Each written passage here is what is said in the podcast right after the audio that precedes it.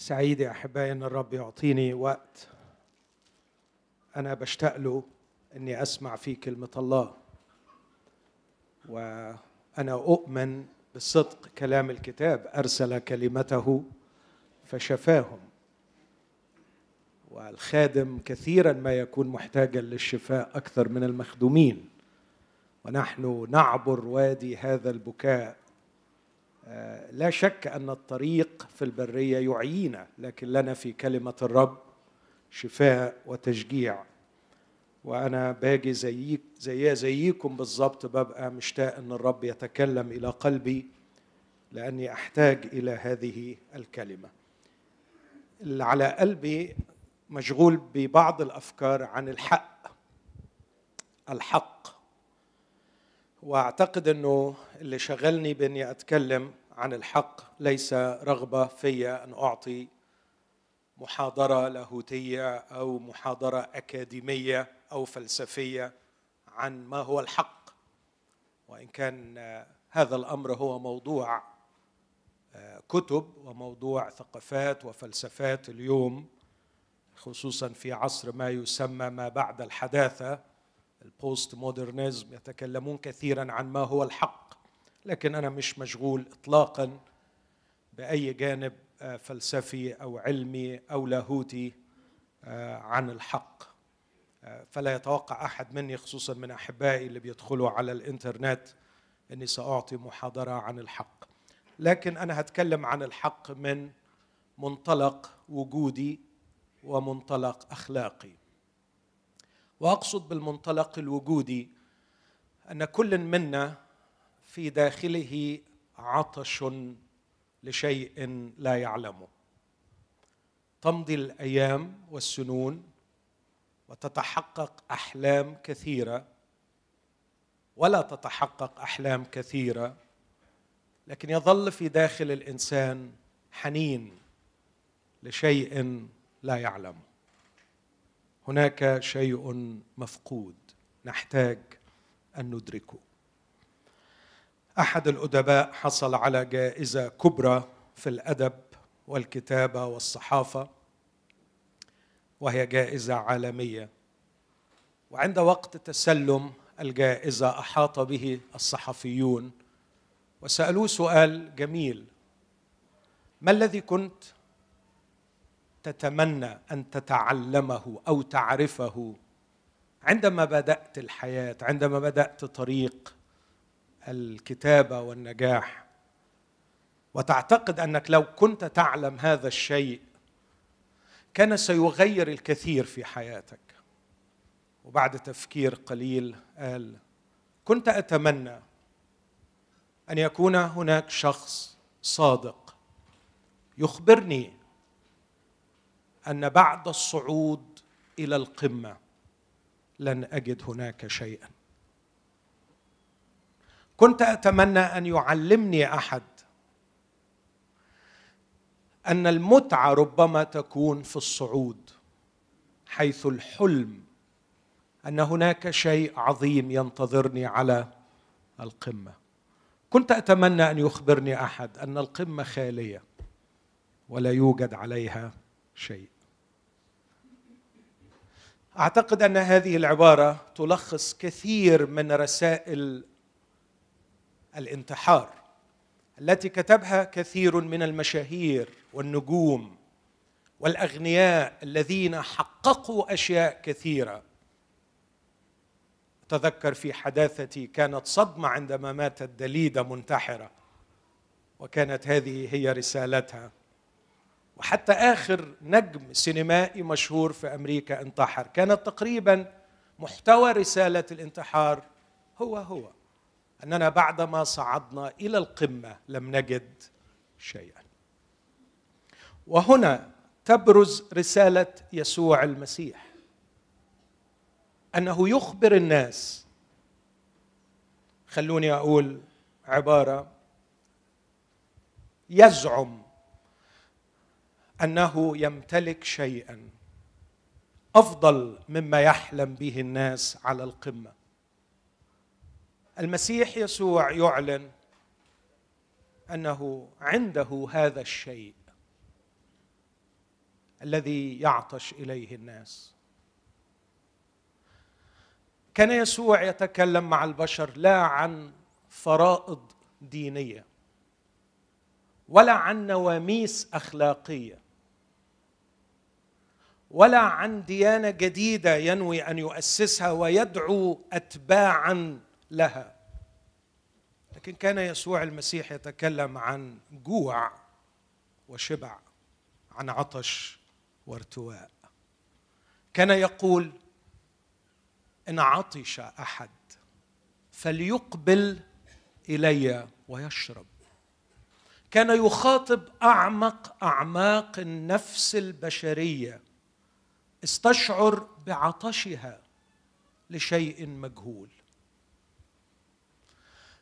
أخي أختي أتمنى أن نرتقي بانسانيتنا ونختلي بأنفسنا ونصادقها ونتكلم إليها ونطبطب عليها ونقول لها اعلمي يا نفسي هناك شيء غير موجود في هذه الحياة.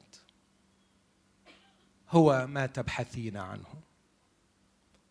ما هوش المال. ما هوش الجمال. ما هياش الشهادات. ما هوش المركز. ما هوش الجواز. ما هياش العيال. ما هياش الأسرة. هناك شيء من خارج هذا العالم. شيء غير موجود في العالم المنظور. خلقنا من أجله ونفوسنا لن تشبع وترضى إلا به. وما كآبتنا أو حيرتنا إلا دليل على أننا لم نشبع بعد ولم نمتلك هذا الشيء الذي نحلم به ولم نجده حتى الآن. هذا الشيء آتي من العالم الآخر. يقول يسوع عن نفسه أنا هو خبز الحياة. مش أنا رسول الله مع إنه رسول من الله. مش أنا كلمة الله مع إنه هو كلمة الله. لكن يسوع يتكلم عن نفسه باعتباره طعام. لنفوس جائعة. من يأكلني يحيا بي هذا هو الخبز الذي يأكل منه الإنسان ولا يجوع. هذا هو الماء الذي أعطيه من يشرب منه لن يعطش. المسيح يسوع يقدم نفسه كشبع للنفس البشرية. من ضمن أوجه المسيح اللي من خلالها يشبع النفس البشرية أنه هو الحق. فأنا هتكلم عن المسيح الحق باعتباره القادر على أن يشبع النفس البشرية. أعتقد معظمنا يعرف الآية اللي في رسالة أفسس اللي تقريبا بيختم بها الرسول أسمى الإعلانات في الحق المسيحي. حنى ركبتيه وصلى من أجلنا لكي ما يؤيدنا الروح القدس بالقوة في الإنسان الباطن لكي يحل المسيح بالإيمان في قلوبنا. فنتأصل ونتأسس في المحبة حتى ندرك مع جميع القديسين. ما هو العرض والطول والعمق والعلو؟ ونعرف محبة المسيح الفائقة المعرفة. اسمعوا العبارة الأخيرة. فتمتلئ إلى كل ملء الله. ما هو ملء الله؟ وكيف نمتلئ إلى كل ملء الله؟ أعتقد أنه قدر معين من الامتلاء. بيقول فتمتلئ يبقى إذا نحن في داخلنا فراغ. وهذا الفراغ في وعد بأنه من الممكن أن يمتلئ. وهذا الملء سيأتي من الله. فتمتلئ إلى كل ملء الله. لكن يبقى السؤال ومن يأتي بي إلى الله؟ من يأتي بي إلى الله فعلا مش من ينقل لي معرفة عن الله مش من يحدثني عن الله. لكن أنا ضعيف وعاجز وقاصر أحتاج من يأخذ بيدي ويستطيع أن يدخل بي إلى هذا الغمر الذي لا أستطيع أن أسبح فيه. يأخذني إلى الله. يقف يسوع ويقول أنا هو الطريق والحق. والحياة. ليس أحد يأتي إلى الآب إلا بي. أنا هو طريقك إلى الملء. أنا هو طريقك إلى الله. أعرف أني كلما اقتربت منه ميلا أجد نفسي بعيدا مئات الأميال. وكلما أراه قريبا كلما خلته قريبا الي أبو ماضي. وهو يجيب عن سؤال ابنه الذي ساله أرني الله؟ فقال له يا ابني لست أدرى من الناس. أنا ما أعرفش أكثر من الناس. وبعدين قال له كلما أزحت سترا خلتني أزدل سترا. كل ما بشيل بكتشف إن أنا لسه مش عارف. وأعتقد أن العلاقة مع الله هي بدون المسيح غموض في غموض في غموض. لكن المسيح يزعم هنا يدعي لكنه صدق في ادعائه أنه هو الطريق والحق والحياة. يأخذ بيدي. صحيح أقدر أقول مع الرسول لست أحسب أني قد نلت أو أدركت لكني أسعى. فارق كبير بينما بين شخص يسعى ويسعى ويسعى ليزداد الطريق غموضا وضياعا ويجد نفسه في صحراء يزداد فيها عطشه وبين شخص لا وجد الطريق ويظل يشبع لكن كلما شبع يشعر بأنه يريد أن يشبع أكثر. فارق بين حاله حالة العطش المميت وبين العطش عطش المستمتع بعطشه ليقينه أنه سوف يرتوي ويرتوي ويرتوي. وكلما يرتوي ينتابه عطش أكبر دون وجع الحيرة والخوف والضياع. لكن عطش المستمتع توتر الباحث عن الله. المسيح يسوع يخاطب هؤلاء. أسميهم النبلاء أسميهم المخلصين. أسميهم أقدر أسميهم النبلاء المخلصين. قال يسوع عن واحد منهم هذا إسرائيلي حقا. لا غش فيه. ده ما بيغشش نفسه. ده ما بيغشش نفسه. الشخص ده لازم أظهر له ذاتي. لازم أخده بإيدي ووصله إلى الله. يا فيلبس جبت نثنائيل. قلت له تعالى وانظر وقد رآني. يا نثنائيل آمنت لأني قلت لك أني رأيتك تحت التينة. عندي خبر ليك يا نثنائيل سوف ترى أعظم. هل فرحت يا نثنائيل؟ هل اندهشت؟ هل أعجبت؟ هل لأول مرة تتذوق حلاوة الركوع؟ كنت تركع للمجهول أما الآن فأنت تسجد وأنت تعلم لمن تسجد وأنت تقر وتعترف قائلا أنت هو المسيح. ابن الله أنت ابن الله أنت ملك إسرائيل. هل عرفت حلاوة هذه البصيرة هذه الاستنارة؟ عندي خبر ليك رائع يا نثنائيل. يسوع يعد كل باحث عن الله ويقول له سوف ترى أعظم. لغايه فين يا رب أرى أعظم؟ سوف ترون السماوات مفتوحة وملائكة الله ينزلون ويصعدون على ابن الإنسان. سوف يعود الاتصال وسوف ترون أعظم. أنا نفسي أتكلم شوية عن الحق. من هذه الوجهة يسوع هو الحق. الذي يكشف من هو الله. مش بس يكشفه لي لكن ياخذني من إيدي ويوصلني إليه. فهو الطريق والحق والحياة. ثلاث كلمات دول بلغة تفسيرية. هو الطريق إلى الله. لأنه الحق الذي كشف من هو الله. وعندئذ أستمتع بالحياة. مع الله. فبدون الله أنا ميت. لكني لا أجد طريقي إلى الله. لكن جاء يسوع الحق.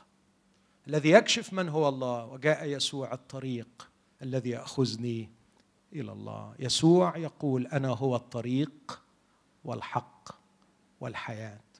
أعتقد أنه بتجسده كان الحق. وبصليبه كان الطريق. كان الحق عندما أتى إلينا من الله مستحضرا الله. وكان هو الطريق عندما أخذنا بالصليب وفتح لنا الباب إلى محضر الله. وبتجسده وبموته صارت لنا الحياة. ده جانب. لكن في جانب تاني نفسي أتكلم عنه. أو بسببه أتكلم عن الحق. وهو جانب زي ما قلت مش وجودي لكن جانب أخلاقي. أي شخص غلبان زي حالاتي بيعيش هذا التوتر إن شاء الله تكونوا غلابة يعني. ولو مش غلابة أصلي لكم ربنا يخليكم غلابة. طوبى للمساكين بالروح. مين الغلابة دول؟ الغلابة دول اللي فقدوا رجاءهم في كل شيء منظور وأصبحوا يرتجون غير المنظور. دول اللي عندهم العطش إلى الله. عندهمش عطش لحاجة فانيه حاجة ملموسة حاجة منظورة. لكن كمان الغلابة دول بيعانوا من شيء تاني أخلاقي. نفسهم يبقوا حلوين. نفسنا نبقى صح. نفسي أعيش صح. نفسي أتصرف صح. نفسي لما أتكلم أتكلم صح. نفسي لما أتصرف أتصرف صح. أنا بغلط كتير. أنا بغش كتير. أنا مش أمين كتير. وبحتقر نفسي كتير لما ببقاش صح. نفسي أبقى صح. كلمة نفسي أبقى صح right right و right تترجم صح وتترجم بالعربي أيضا حق. فنحن نتكلم عن هيومن رايتس مش بنقول يعني الحاجات الإنسانية الصح لكن بنتكلم عن حقوق الإنسان. فلما تقول أنا عايز عايز أعيش صح أنت من الآخر بتدور على الحق. دي كانت المقدمة. أنا نفسي أتكلم عن الحق. مش هتكلم عن الحق كمحاضرة أكاديمية لكن بتكلم عن الحق لأشخاص عندهم عطش وجودي إلى الله. وعندهم عطش أخلاقي إنهم يعيشوا صح. أستأذنكم توقفوا معايا. نقرأ جزء من كلمة ربنا. عايز أقرأ من أثناء الحديث هقرأ أكتر لكن هبدأ بس بقراءة من تيموثاوس الأولى ثلاثة وعدد خمستاشر. رسول بولس بيقول لتيموثاوس العبارات الشهيرة ولكن إن كنت أبطئ فلكي تعلم كيف يجب أن تتصرف في بيت الله الذي هو كنيسة الله الحي عمود الحق وقاعدته. كنيسة الله الحي هي عمود الحق وقاعدته. ثم أيضا من رسالة يوحنا الرسول الأولى أصحاح خمسة وأبدأ القراءة من العدد التاسع عشر. نعلم أننا نحن من الله والعالم كله قد وضع في الشرير. ونعلم أن ابن الله قد جاء وأعطانا بصيرة لنعرف الحق. ونحن في الحق في ابنه يسوع المسيح. هذا هو الإله الحق والحياة الأبدية. أيها الأولاد احفظوا أنفسكم من الأصنام. آمين. ثم من رسالة يوحنا الثانية. الشيخ إلى كيريا المختاره وإلى أولادها الذين أنا أحبهم بالحق. ولست أنا فقط بل أيضا جميع الذين قد عرفوا الحق. من أجل الحق الذي يثبت فينا وسيكون معنا إلى الأبد. تكون معكم نعمة ورحمة وسلام من الله الآب ومن الرب يسوع المسيح ابن الآب بالحق والمحبة. هذه هي كلمة الرب. خلونا نقدم الشكر للرب ونطلب منه إنه يفتح قلوبنا لها. أبانا إننا أضعف وأصغر عن أن نفهمها بدون عمل روحك فينا. فهبنا رحمتك ونعمتك وافتح أذهاننا وعلمنا. نحن عند قدمك نشتاق أن تدخل كلمتك إلى أعماقنا وتغيرنا. في اسم يسوع يا أبي. آمين. آمين. خلوني أقول بدون مقدمة تاني. لما أقرأ إنجيل يوحنا بالذات أعتقد إنه من أكثر الاناجيل اللي اتكلمت عن الحق. وهكتشف ثلاث مفاهيم للحق في هذا الإنجيل وموجودة في كل الكتاب المقدس. نفس الثلاث مفاهيم دول اللي هاخدهم من إنجيل يوحنا هلاقيهم موجودين في كل العهد الجديد وفي كل العهد القديم. المفهوم الأول للحق هو أنه جملة تقريرية خبرية تصف شيئا. هو فعلا هكذا في الواقع.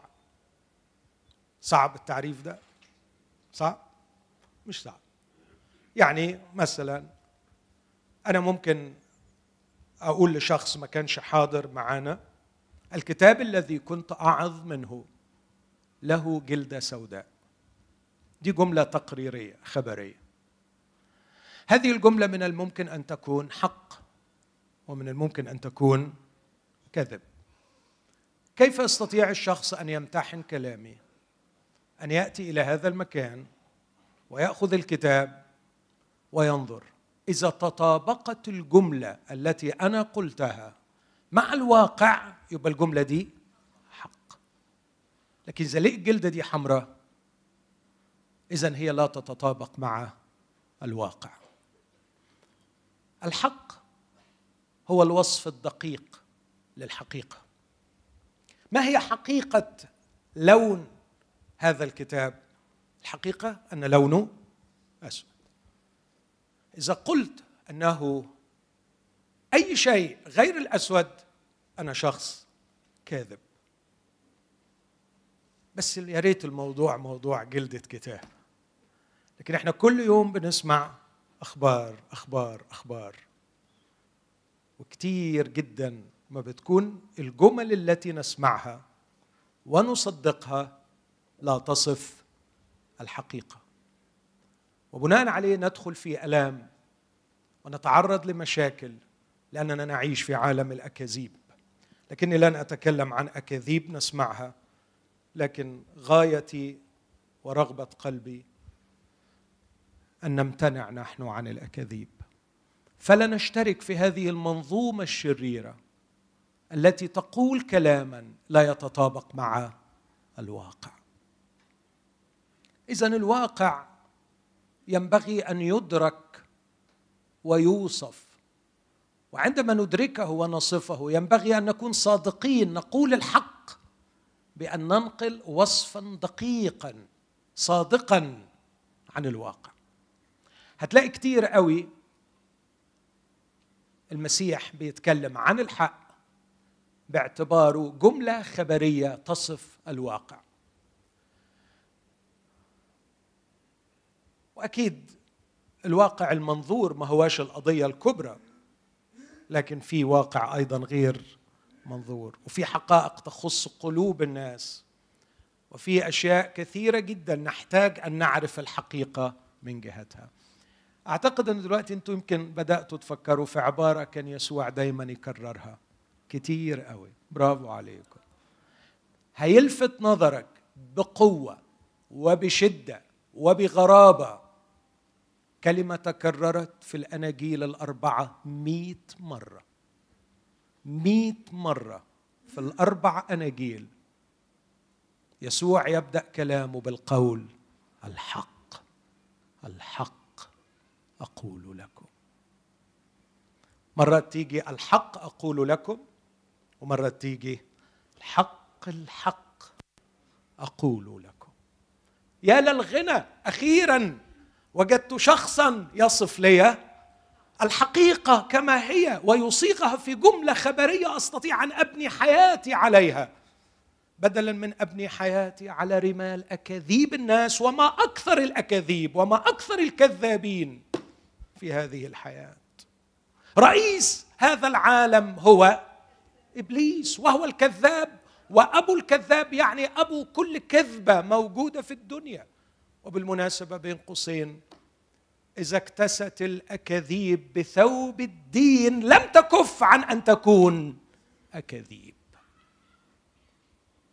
بل إنها أخطر أنواع الأكاذيب. القتال للناس منذ البدء وهو الكذاب يعرف كيف يلبس أكاذيبه ثوب الحق لكي يقتل أكبر عدد من البشر. وعلشان كده يسوع ما وصفش الشيطان إلا بالصفتين دول في يوحنا 8 ذاك كان قتالا للناس منذ البدء هو الكذاب وابوه الكذاب. إبليس يقتل الناس بالكذب. إخوتي الأحباء كم يعشعش الكذب في العقول؟ كم امتلأت العقول بالأكاذيب كم صارت العقول بيوتا خربة مظلمة تعشعش فيها الأكاذيب بل توحشت فيها الأكاذيب وسيطرت فيها الأكاذيب. الكنيسة كعمود الحق وقاعدته ضعيفة هزيلة لم تستطع أن تواجه كم الأكاذيب. بينما رأس الكنيسة يسوع كان أسدا عملاقا عظيما في كل خروجه ودخوله في الشوارع وفي المجامع لم يكن يقدم لاحاديثه إلا بهذه العبارة الحق الحق. اسمعوني كلمة الحق هي نفسها الكلمة التي نستعملها وهي الكلمة فعلا في اليوناني آمين.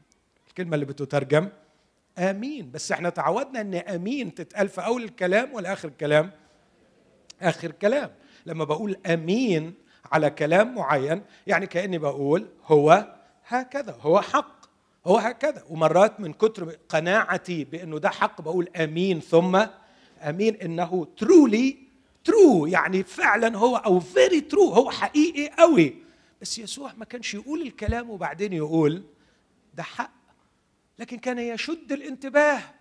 أيها المتعبون من الأكاذيب لدي خبر رائع سأقول لكم. الحق. هيا انتبهوا. هيا انتبهوا. هيا أعطوني إصغاءكم. أيها العطاشه إلى الحق. يا من سئمتم الكذب في هذا العالم. أخيرا جئت أرويكم بالحق. أعيروني انتباهكم. اسمعوا الخبر. الحق. الحق. أقول لكم. 31 مرة في إنجيل متى. الحق أقول لكم. 13 مرة في إنجيل مرقس الحق أقول لكم. ست مرات في إنجيل لوقا الحق أقول لكم. 25 مرة في إنجيل يوحنا الحق الحق أقول لكم. المجموع 100 مرة. يسوع يؤكد أنه بينقل الحق. أرجوكم يا إخوتي أرجو كل إنسان مخلص يسمعني. أعطي من عمرك الطويل. يا طويل العمر. أعطي من عمرك خمس ساعات واقرأ الأناجيل. اقرأ عن يسوع المسيح. اقرأ عن يسوع المسيح. ستجد أن يسوع المسيح يقول لك الحق عن نفسك وعن العالم وعن الدين وعن الشيطان وعن الله وعن المحبة وعن المال وعن الغنى وعن الفقر وعن الزواج وعن الأولاد. إذا كنت تبغي ديانة ابعد عن يسوع المسيح. إذا كنت تبغي ديانة لم يأتي يسوع لكي يؤسس ديانة. إن كنت تبغي فرضا وطقسا ونصا ويجوز ولا يجوز وقائمة حلال وقائمة حرام ابعد عن يسوع. يسوع ملهوش في السكة دي خالص. لكن إذا كنت قد سئمت الأكاذيب وصرت إنسانا يبغي ويروم الحقيقة من جهة الواقع فعلا ستجد شخصا يقول لك الحق الحق أقول لكم الحق أقول لكم. ليس ما يدخل الجوف ينجس الإنسان. لكن دعني أخبرك ما هي النجاسة الحقيقية؟ هي ما يخرج من قلوب الناس. وهنا أخشع وأقول له وهل تعرف قلوب الناس؟ أنا أدرك وأعي أنه لا يعلم القلوب إلا الله. لكنه يزعم أنه قادر أنه يخبر ما في قلب الإنسان. وقدم مرة وعشرات المرات الأدلة على أنه يعرف قلوب البشر. فعلم فكر قلوبهم فعلم ما يفكرون به في قلوبهم. يسوع يكشف حقيقة قلوب البشر وبيقول يخرج من قلوب الناس. نجاسة الشر دعارة الزنا فسق. هو ده اللي في قلوبنا. وأي شخص مخلص عندك حق. أنا غطيت. أنا نجحت أغطي. بس هي دي الحقيقة. أنت عارفني من جوه. أنت شايف الحقيقة. لكن الحق ليس بروبوزيشن يصف واقع فرضية تصف واقع فقط. لكن الحق غريبة جدا. هو شيء يصنع مش حقيقة تعرف لكن شيء يصنع. فيتكلم يسوع في يوحنا ثلاثة مثلا ويقول من يعمل الحق يأتي إلى النور لكي تظهر أعماله أنها بالله معمولة. يوحنا ثلاثة أقرأ معاكم العبارة دي يسوع في حديثه وهو يتكلم أعتقد أنه كان في الجزء ده بيصف غرض إرساليته. يقول هذه الكلمات في أصحاح ثلاثة عدد عشرين أو عدد 19 هذه هي الدينونة أن النور قد جاء إلى العالم وأحب الناس الظلم أكثر من النور لأن أعمالهم كانت شريرة لأن كل من يعمل السيئات يبغض النور ولا يأتي إلى النور لئلا توبخ أعماله. وأما من يفعل إيه؟ الحق. الحق شيء يفعل فيقبل إلى النور. لكي تظهر إيه؟ مش أفكاره لكن لكي تظهر أعماله. انها بالله معمولة لأنه عملها بالحق فهي بالله معمولة. يعمل الحق. أعتقد أن المرأة وهي في مطبخها في بيتها تحتاج أن تعمل الحق. والتاجر في متجره محتاج أن يعمل الحق. والمدرس في فصله والطبيب في عيادته والابن في حديثه مع أمه والأب في حديثه مع أبنائه أو الزوج في حديثه مع زوجته. في كل لحظة في كل لحظة نحن تحت اختبار. هل سنعمل الحق أم لا؟ هل عملت بالحق؟ هل سلكت بالحق؟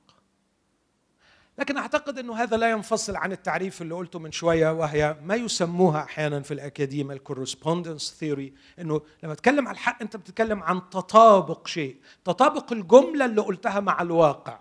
مش كده؟ ده اللي قلناه؟ الجملة اللي أنت قلتها إمتى تبقى حق؟ لما تبقى متطابقة مع الواقع. السلوك لما يتطابق مع القانون الأخلاقي يبقى بس القانون الأخلاقي ده الأسمى والمطلق هو مين؟ هو الله نفسه. هو الله نفسه. عندما تكون أعمالك بمين معمولة؟ أه؟ بالله معمولة. عملتها في نور حضرة الله. عملتها وأنت لا تخشى أن الله يبحث وراءك ماذا كنت تفعل. يقول عنه بولس أما الله فقد صرنا ظاهرين له.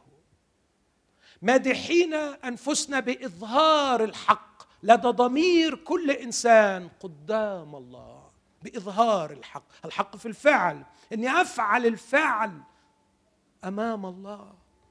عشان كده أنا حق. بعمل حق. أنا أعتقد إنه ما أقدرش أقول أنهي أسبق من الثانية لكن أعتقد إنها خدعة كبيرة إن الناس تتوقف عند الأولى وتهمل الثانية فيتحول الحق في مفهومنا إلى مجموعة من الفرضيات التي تصف واقع معين وبعدين نقلبهم في الكتب ونقتنع بيهم. وغالبا إحنا لا بنقلب ولا بنقتنع إحنا بنورث. إيه بقول كلام غريب يا أهل؟ هقول تاني. أشرت وأشير دائما إلى كاتب راجل عظيم اسمه جيمس ساير. الراجل ده عمل بحث غريب.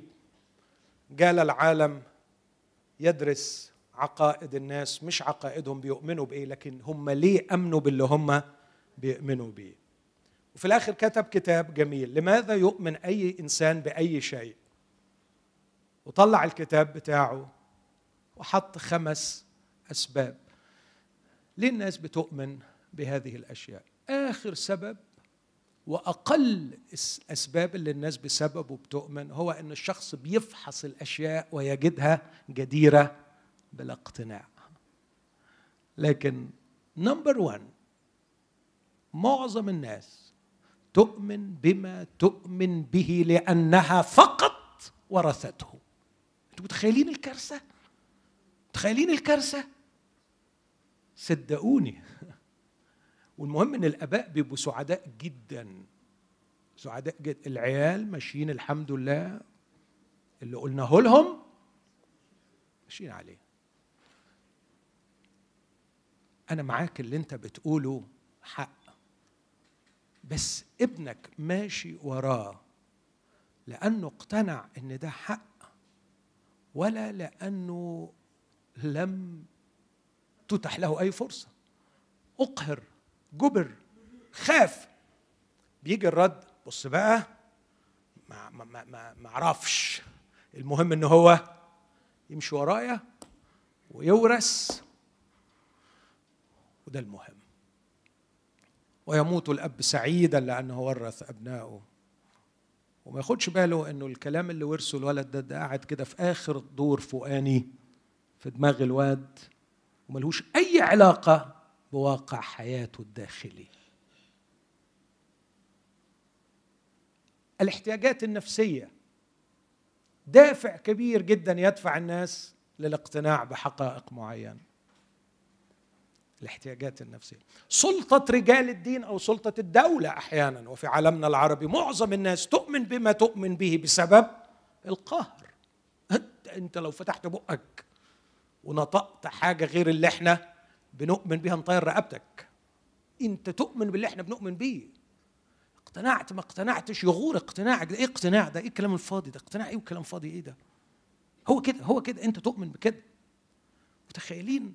ده ده ده أنا بعتبره يعني اهدار انساني. يعني خلاص اعتبروا البشر حيوانات. حيوانات. يعني آه، لما بتشوف عندنا واحد بيعدي في الشارع دلوقتي من الناس من غلبها وبعدين طلعت بين القرود نكسة أو شحة القرود فبيرقص كلب في الشارع ويشحت عليه. فأنا كتير بتأمل الكلب وبيصعب عليا الكلب لأنه ما أعتقدش إن الكلب مخلوق علشان يرقص الكلب مخلوق علشان حاجات تاني. بس في واحد قهره وخلاه يرقص. ده ما يفرقش أبدا. عن هؤلاء الحكام ورجال الدين الذين بالإرهاب يقهرون الناس لكي يؤمنوا بما هم يريدون بما هم يريدون. ده يعني الانحطاط بالبشر إلى ما تحت البشرية. أسمى ما في الإنسان أن يكون حر ويبحث ويفكر ويقتنع أو يرفض لكن أهدروا حق الناس في الرفض سيدينهم الله. وعلى فكرة هذا الإرهاب يأخذ صور مختلفة. بل ممكن يكون السيف تحت العبارة اللي لازم تؤمن بيها. وواضح يعني الحقيقة الرسالة مش مستخبية. يعني يا تؤمن يا أهو هو ده يا ده يا ده. لكن ممكن الإرهاب ما يكونش سيف إرهاب نفسي. وما أكثر أنواع الإرهاب النفسي حتى في الكنائس.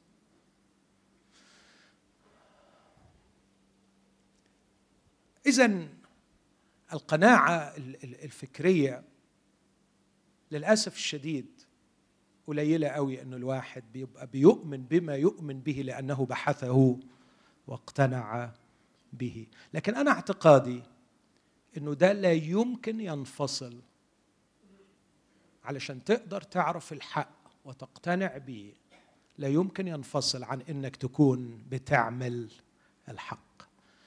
خليني أقولها بالطريقة الثانية أنا داخل في حتة صعبة شوية فركزوا معي نحن ك... إحنا لما بنتكلم عن كلام إنك تقتنع تقتنع. إحنا بنفترض إن إحنا كائنات عاقلة عندها عقل ومنطق مش كده؟ بس إحنا مش كائنات عاقلة فقط. إحنا كائنات عاقلة وكائنات أخلاقية. راشونال لكن كمان مورال كائنات أخلاقية.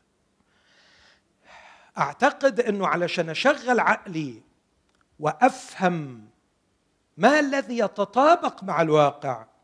محتاج نفس اخلاقيا نظيفة نقية حساسة. تستطيع أن تجعل العقل صافي. كلما تطابقت نفسي اخلاقيا مع القانون الأخلاقي كلما اتسع عقلي. وأصبح أكثر قوة في معرفة الحقيقة. فهمتوا قصدي في العلاقة بين الاثنين؟ افعل الحق فتفهم الحق. افعل الحق كن امينا في أخلاقك كن امينا في تصرفاتك. اسمع قول المسيح وحاول تطيعه. من يعمل الحق يأتي إلى النور. لا يخاف من أن يأتي إلى النور. يعني إيه؟ يعني يعني أنت بتعمله. هو فعلا ده الحق بالظبط. عندك استعداد يتكشف قدام الناس؟ عندك استعداد كل الناس تعرف عنه؟ مفيش أي مشكلة عندك؟ ولا في حاجة؟ لا ما يصحش. أبهذا المقدار يا سفيرة بعتم الحق؟ آه. سفيرة طب هو مش كان الحقل كله بتاعكم؟ وأنا قلت لكم بعوق. ليه ليه يا حنانيا ليه يا حنانيا تعمل كده؟ أما كان كله لك أنت اللي على فكرة لو بعته وخليت الفلوس بتاعته عندك إحنا عمرنا ما كنا هنقول لك حاجة. بلاش كده.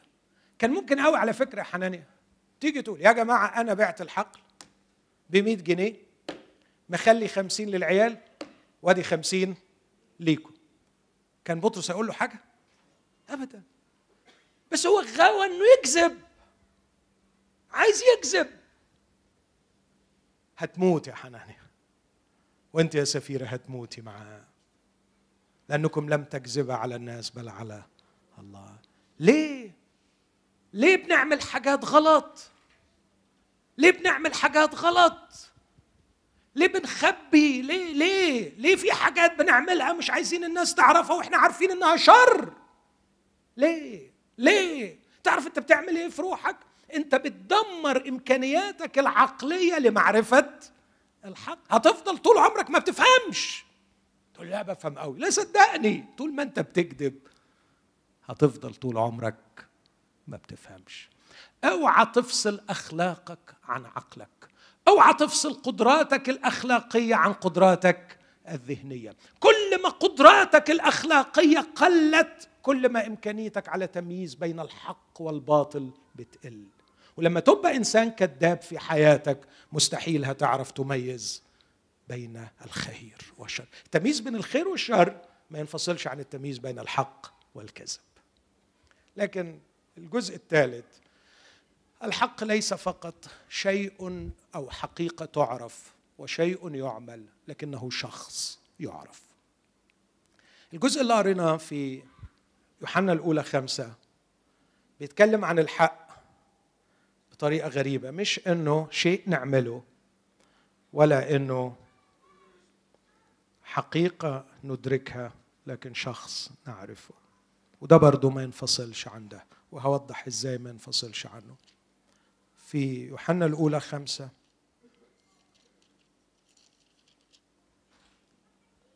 نعلم أننا نحن من الله والعالم كله قد وضع في الشرير. هرجع للمعنى ده بسرعة دلوقتي.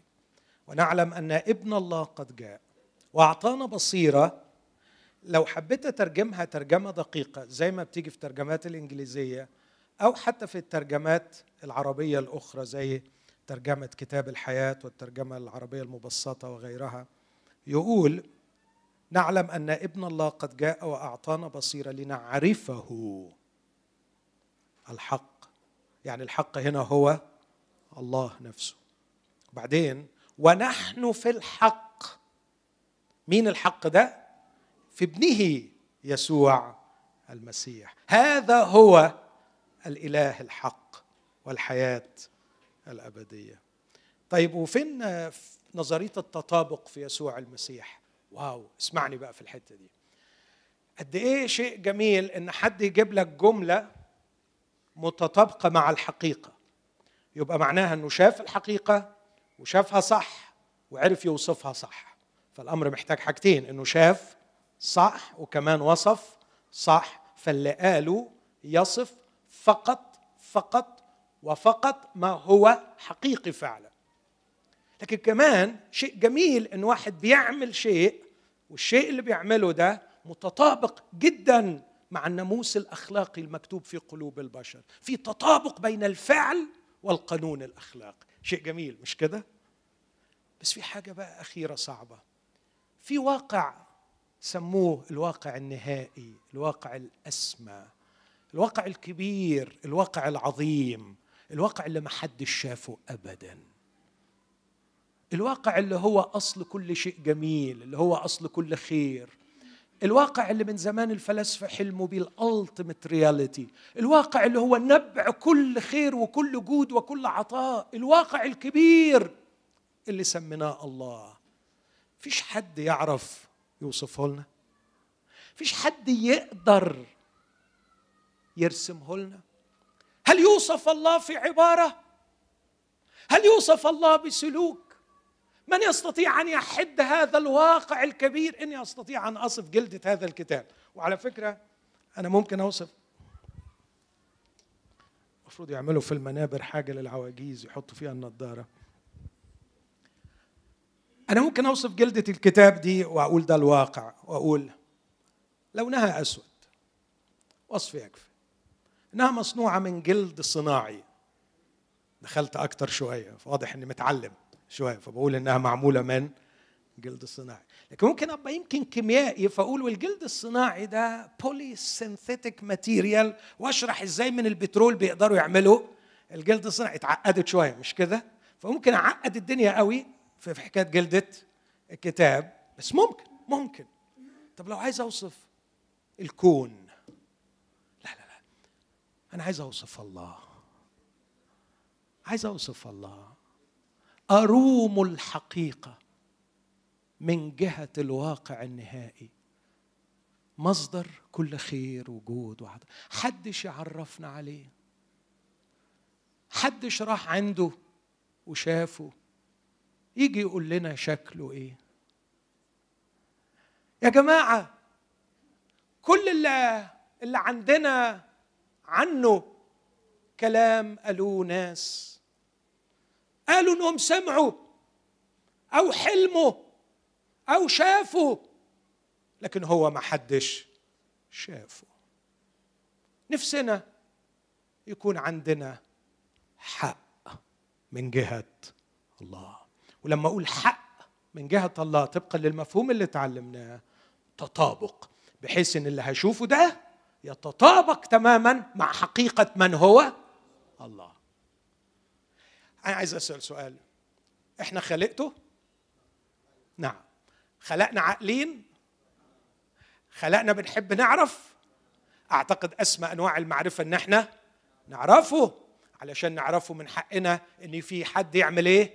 يوصفه ويقول لنا هو شكله إيه. تخيل بقى تقول لي أنا خلقته وأنا محتاج أعرفه. وأنا مشتاق أعرفه وأنا محتاج حد يوصفه لي. وبعدين أقول لك الكلمة صار جسدا وحل بيننا. تقول لي كفر والعياذ بالله. طب ليه؟ طب ليه يا أخي شوقتني من الأول؟ وخلتني أحن. إخوتي الأحباء أنا عايز أقول إنه مطلب شرعي. مطلب أخلاقي. أيها الإله العظيم الساكن في سماك لم يرك أحد من الناس ولا يقدر أحد أن يراك. لكنك خلقتنا يا الله وبداخلنا شوق عظيم أن نعرفك ونقترب إليك. خلقت فينا عقولا تبحث عنك. خلقت فينا عطش دائم أن نعرف صفاتك ومن أنت. لماذا تضن علينا بمعرفتك؟ لماذا لا تخرج من وراء حجابك وتقول لنا من أنت؟ من تكون يا الله؟ ما هو الحق من جهة الله؟ ما هو الحق من جهة الله؟ مين يوصف لي الله؟ وإذا كنت لا تستطيع أن تصف لي من هو الله فكيف تريدني أن أعبد الها أنا أجهله؟ أنا لا أقبل على نفسي أن أعبد الها مجهول. لا أريد ابدا أن أكون من هؤلاء الأغبياء الذين يسجدون لمن لا يعلمون أريد أن أعرف الله. من يجرؤ أن يقول أنه يملك الحق من جهة الله؟ ثم هل الحق من جهة الله؟ وده سؤال خطير. يصاغ في عبارات. هل الله واقع يتوصف في عبارة؟ كيف تصف الحب في عبارة؟ الله محبة. الله محبة. أوصف لي الحب في عبارة. جه. إني أقول أقدر أوصف الحب في عبارة. أيها الأم يا من سهرت طويلا بجوار فراش ابنك. أيها الأم يا من بذلت حياتك بسرور من أجل ابنك. أيتها الأم التي بكيت كثيرا لألام ابنك. هل تستطيعي أن تجمعي كل مشاعر الأمومة وتصغيها في عبارة؟ تقعدي تقولي لي كلام مستحيل. الحب لا يوصف في عبارة. الله بين محبته لنا. الله لم يرسل لنا عبارة يصف بها محبته لكن أرسل لنا شخصا. أرسل لنا شخص خالي من العيوب. فيه سر أن يحل كل ملء اللاهوت. أرسل لنا شخصا أحبنا. أشفق علينا في مرضنا. تحنن علينا في جوعنا. انحنى وغسل أقدامنا لمس برصنا وأقام موتانا وبكى مع الحزان فينا واحتضن أطفالنا واقترب من نسائنا واقترب من فجارنا وعصاتنا شخص رأيناه يعيش كما لم يعش أحد قط لم يفعل شيئا واحدا ليس فيه محله. عاش الحب فالحب لا يوصف بعبارة الحب ترجم في حياة. قال عنها يوحنا الله لم يره أحد قط. الابن الوحيد الذي هو في حضن ولماذا الحضن؟ لأن الحضن يتكلم عن الحب فالحضن قد كشف الحضن قد فتح وأخبرنا بما في هذا الحضن. عندما رأينا يسوع يحبنا. وفي النهاية رأينا يسوع يبغي الاتحاد بنا يبغي الاندماج بنا. الحب في المفهوم الإلهي ليس أن تعطي شيئا لكن أن تعطي نفسك. كتير بكرر.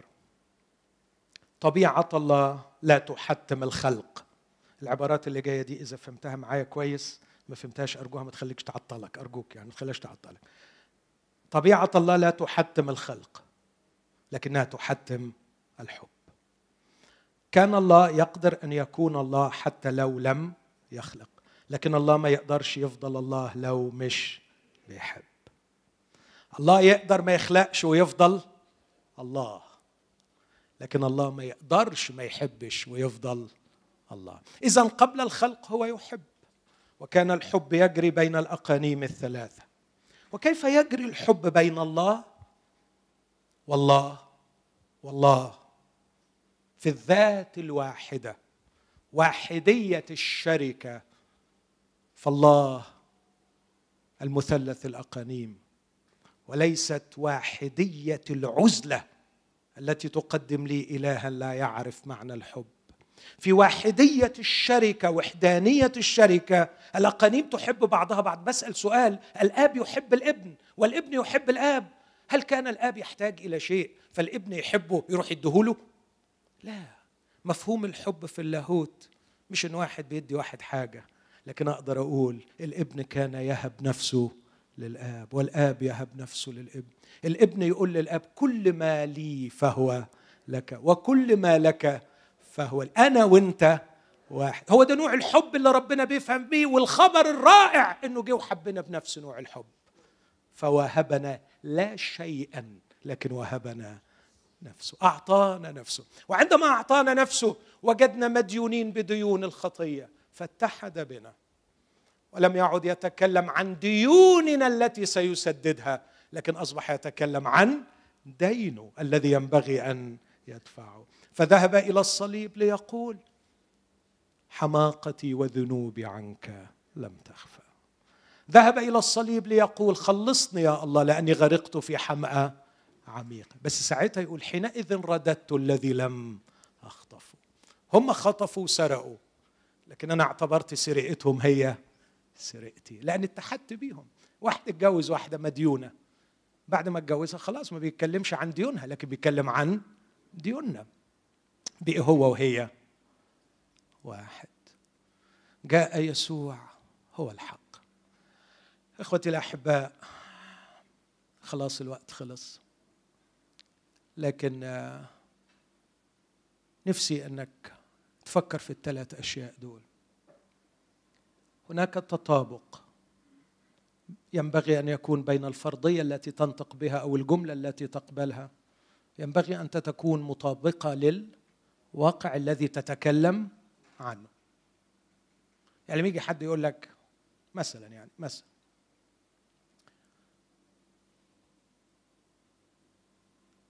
آه، اسكندرية فيها نهر. مثلا يعني. ده أكيد أستاذ في الجغرافيا مش كده؟ جاهل لأنه بيقول كلام لا يتطابق مع الواقع. فأرجوك شغل عقلك في أي كلام بتسمعه واسأل نفسك هل يتطابق هذا مع الواقع. وابحث وحاول تفهم حاول تفهم. وإذا ما قدرتش قول مش قادر أصدق مش قادر أرفض لكن ما أقدرش أقبل. أمين؟ عيب اللي أنا بقوله ده. حرام خطية. لو حد حرم عليك الكلام ده ما بيحترمكش. شغل عقلك. ينبغي أن تكون الجملة التي تسمعها تتطابق مع الواقع. لما حد يعلمك حاجة يقول لك على فكرة هو كذا كذا كذا قول له فين؟ بناء على إيه؟ أنت تصف أنهي واقع؟ إزاي؟ فهمني. لكن من الناحيه الثانية الحق ليس فرضية تصف الواقع لكن الحق شيء يعمل. سلوك يتطابق مع القانون الأخلاقي ودي بينك وبين ربنا. هتطلع من هنا؟ هتركب عربيتك أو هتركب تاكس أو هتركب ميكروباص. هتمشي مع نفسك. هتتكلم مع حد بصوت عالي أو هتتكلم في سرك أو هتكلم نفسك مش عيب. اعمل أي حاجة بس خلي كل اللي بتعمله يكون حق. بحيث إن ربنا يبقى شايف وسامع وأنت مش مخجلان وما تخجلش إن ربنا يقول الكلام ده للناس لأنه على فكرة ليس مكشوف. ليس مخفي لن يعرف. فيش حاجة مخفية لن تعرف. لكن نحن نحتاج للحق كشخص. ليس الحق كشيء يعرف وليس الحق كشيء يعمل لكن محتاجين الحق كشخص يقبل. هذا الحق هو شخص يسوع المسيح. بيقول أنا هو الطريق والحق والحياة. كلما عملت الحق كلما ذهني اتسع ليعرف الحق. كلما قلب انفتح ليقبل يسوع الذي هو الحق. أقول تاني الجملة دي. كلما فعلت الحق وده اللي نبدأ به وده أبسط شيء وأعتقد كلنا نقدر نعمله. من يعمل الحق يأتي إلى النور لكي تظهر أعماله أنها بالله معمول. ابدأ بالأمر ده. كل من يعمل الحق سيتسع ذهنه ليفهم الحق وينفتح قلبه ليقبل شخص يسوع الذي هو الحق. وعندئذ سأعيش اخلاقيا أفضل وعندئذ سأقترب مترا أو امتارا أكثر إلى حضرة الله. سيأخذني يسوع إلى كل ملء الله. وهكذا تشبع حاجتي الأخلاقية ويشبع عطشي الوجودي للملء. ألاقي روحي في حضن ربنا وأشعر بضمته ليا وأشعر بعطفه عليا وأتمتع بحبه. وأنا بسمع الكبير اللي في الكون ده بيقول ابني هذا ابني هذا كان ميتا فعاش وكان ضالا فوجد. واطلع أغني وأقول أنا ابنه وأنا غالي عليه وأنا محبوب عنده. أعرف الله من خلال يسوع اللي بيقول أنا هو الطريق والحق والحياة. ليس أحد يأتي إلى الآب إلا بي. أنا عارف إنه الوقت خلاص لكن مجرد الجزء اللي قريته من يوحنا الثانية تستغربوا من جمال الكلمة تلاقوا فيه ثلاث معاني للحق موجودين مع بعض. في رسالة صغيرة الشيخ إلى كيريا المختارة وإلى أولادها الذين أنا أحبهم بالحق ده سلوك يتطابق مع القانون الأخلاقي. تحب الرب إلهك وتحب قريبك كنفسك. فيوحنا هنا بيقول أنا بسلك بالحق من جهة الحب أحبهم بالحق. ولست أنا فقط بل أيضا جميع الذين قد عرفوا الحق فالحق شيء يعرف. لكن اسمع كمان من أجل الحق الذي يثبت فينا وسيكون مين اللي يثبت فينا وسيكون معنا؟ ده شخص ده شخص. ففي عبارة واحدة يرينا الحق سلوك والحق يعرف والحق شخص يقبل. أتمنى من قلبي أكون ساعدت الغلابة المساكين اللي عندهم مشكلة أخلاقية زي حالاتي واللي عندهم مشكلة وجودية. إيه المشكلة الأخلاقية بتاعتي؟ اللي أنا بعاني منها كل يوم. كل يوم بصلي بقول له نفسي أكون صح. نفسي أكون صح. عايز أعيش صح يا رب. وعنده مشكلة وجودية. نفسي أمتلي بيك أكتر. ما عادش في حاجة ملياني. جوايا فراغ مش هيملاه إلا أنت. لو كنت غلبان زي حالاتي كده قوم رنم مع ناصف وصلي وقول له يا رب. قوم اتفضلوا قوموا قوموا. قول له يا رب عايز أعيش صح وعايز أتملي بيك. خدني يا يسوع خدني. خذني وابحر بي إلى قلب أبي. خذني إلى ملء جديد. فالفراغ مخيف. الفراغ عميق. البئر عميق لا يملأه إلا أنت. الخطأ يحيط بي من كل جانب لكن أنا نفسي أعيش صح. اغفر خطاياي على الغلط اللي عملته. اغفر خطاياي على الغلط اللي أنا عايش فيه. سامحني. سامحني. إذا كان خطأ جنسي إذا كان خطأ مالي هذه الأخطاء الأخلاقية التي نستهتر بها تغلق الذهن عن معرفة الحق وتغلق القلب عن قبول شخص يسوع الذي هو الحق. خلونا نعترف نطلب الغفران نطلب التنقية يا رب أعني. نفسي أعيش الحق ونفسي أفهم الحق ونفسي أقبلك وأدي لك مساحة أكتر في حياتي. أنت الحق.